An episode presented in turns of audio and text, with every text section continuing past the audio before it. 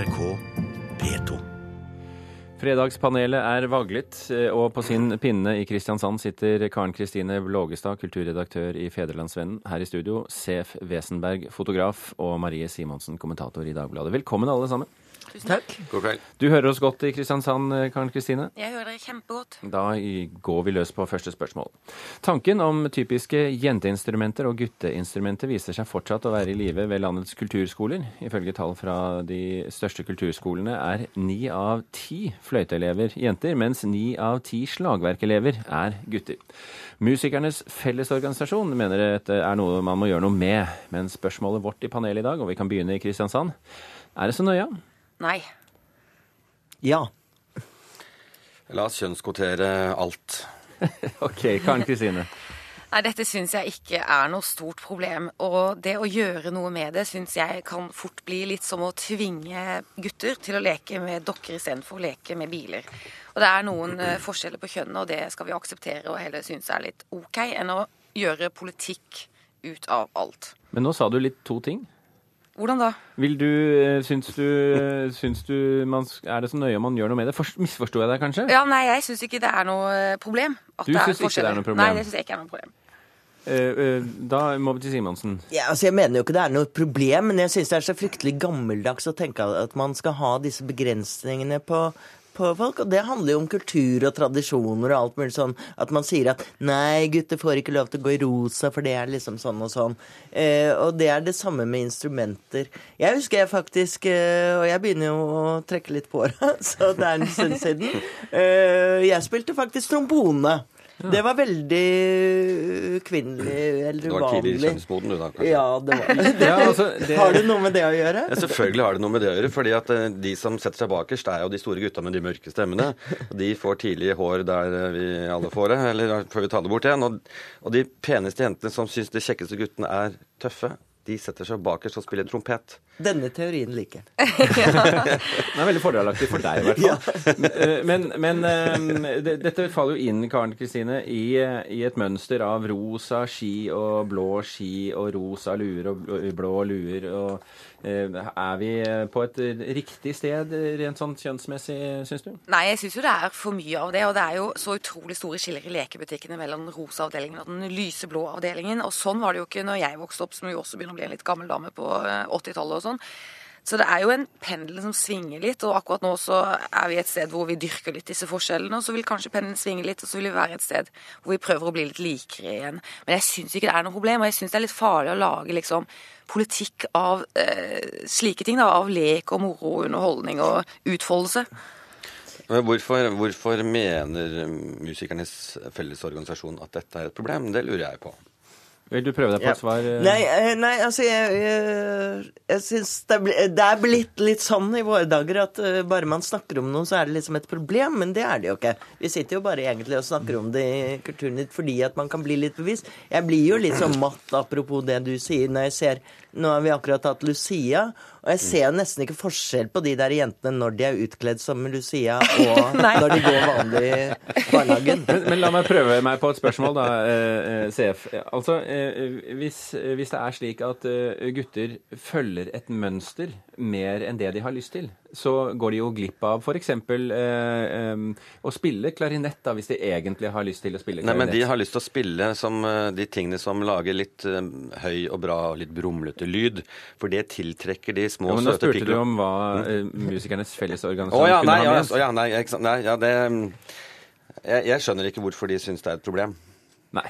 Jeg, rett og slett ikke. Skjønner, Er det så nøye? Var ikke det du sa? Jeg kan godt tenke meg at Musikerne Fellesorganisasjon kommer til å ringe deg etterpå og klargjøre dette, men vi hopper til neste spørsmål. Mange mener det finnes mer mellom himmel og jord enn de fleste andre steder. Andre er mer skeptiske. TV Norge har i tolv sesonger nå vist oss Åndenes makt. I siste runde har rundt 370 seere fulgt med. Og nå er de oppe med et nytt program som også beskyldes for overtro. En natt på Slottet følges av 250 000 nordmenn. Spørsmålet vårt er, og vi kan begynne med deg, CF, gjør TV Norge en viktig jobb her? Ja, ja egentlig, faktisk. Selv om jeg syns at de ikke gjør det, så tror jeg de faktisk gjør det. Nei. Jo da. Karen Kristine? Nei, nei, nei. Du kan få lov til å utdype, CF. Nei, men det er jo som å spise melpiller. Eh, Noen tror på dette her sånn. Altså det er ikke 370, men altså 370 000 pluss 250 000 pluss alle disse menneskene på den andre siden. Så det er egentlig sikkert dobbelt så mange som følger med. som følger med. Det må jo være det, ellers er det ikke noe, er det ikke noe program. Men hvorfor syns du at dette er eh, viktig? Fordi eh, folk som tror på noe, får eh, lov til å dyrke sin tro og få en slags bekreftelse på at det de tror på, er sant. Og da spiller det ingen rolle hva du tror på så lenge du tror på noe, tenker jeg. Ja. Eh, Det var jo sterk Altså, motstand hos dine ja, kolleger her. vi er jo, er jo inne i en tid hvor, hvor, vi, hvor vi virkelig skal snakke om det store, største mirakelet, Åndenes hus av alle. Så kanskje man skal være litt forsiktig med å være skeptisk, men jeg kommer jo fra en avis hvor det faktisk er forbudt å skrive ordet mirakel. Eh, Så ja. Så Nei, eh, Gjelder det jeg fotballspalten også?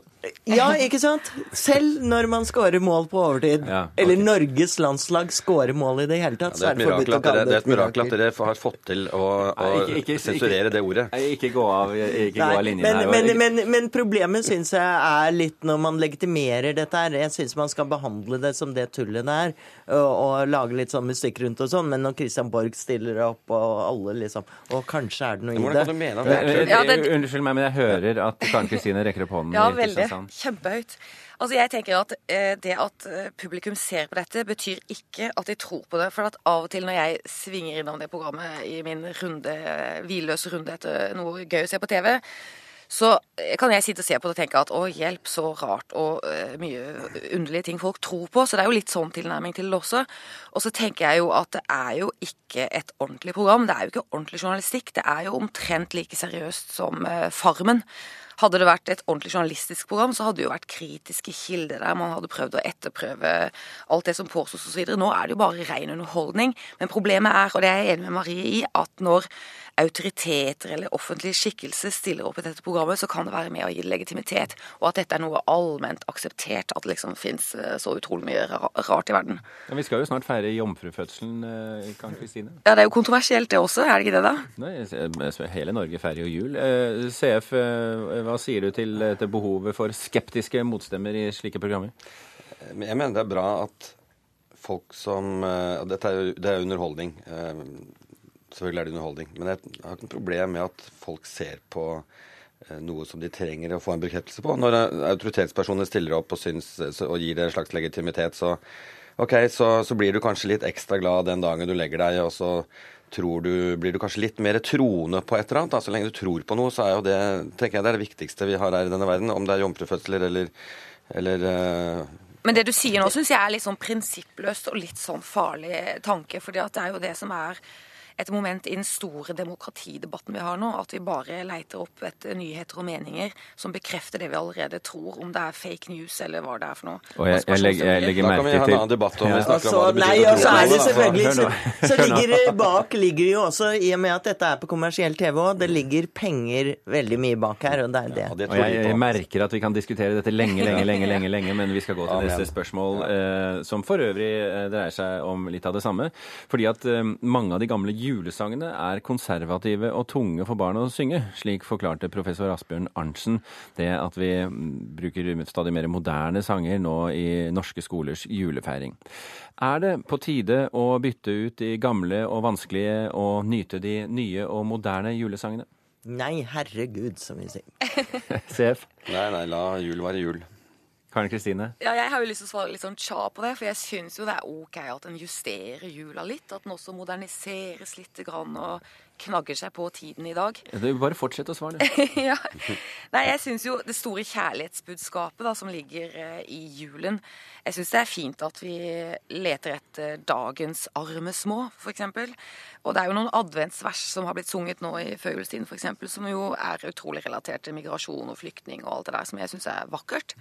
Det syns jeg. Men det er jo fint også at julen har noe som står i ro, og som er litt Men, bestandig. men, men julen handler jo også blant annet Man skal selvfølgelig ta den inn i moderne tid, men eh, den handler jo også om å trekke nettopp trådene og den forbindelsen bakover, oppfatter jeg i hvert fall, vi som kanskje ikke er så opptatt av Gud, men av tradisjonene. Og dessuten så syns jo barn det er kjempespennende med disse englene som daler ned i skjul, og alle generasjoner skal finne ut av det. Kan jeg bare minne deg om at du jobber i Dagbladet? Det er et Det er et mirakel. Sef.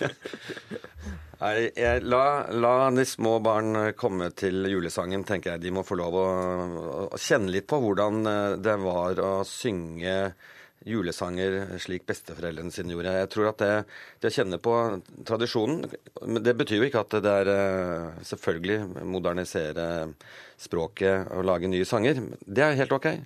Men eh, å ta bort, eh, ta bort det vi har vokst opp med, da, da blir det jo ikke noe holdt på å si, evig liv da, i, i julesangene. Da forsvinner jo hele meningen med julen bort. Ja, de er vel hvilket ikke- jeg egentlig kanskje er De er vel konstruert på et tidspunkt, de også? Ja, ja. Hva, Men, men at det justeres noe er jo ok, for dette er jo litt sånn romantisk konservativt. For vi er foreldregenerasjon, og vi vil jo at barna våre skal se på Jul Skomakergata. Og det syns jeg er Men det jo, kjempekjedelig. Ja, det vi. det er jo nærmest en diskusjon. Skal vi ta bort ribba og slutte å ha taco-julaften, f.eks.? Det er- Slutt å Det, du vil he- altså, erstatte med taco julaften, mener du? Ja. Ja, det hadde vært trist.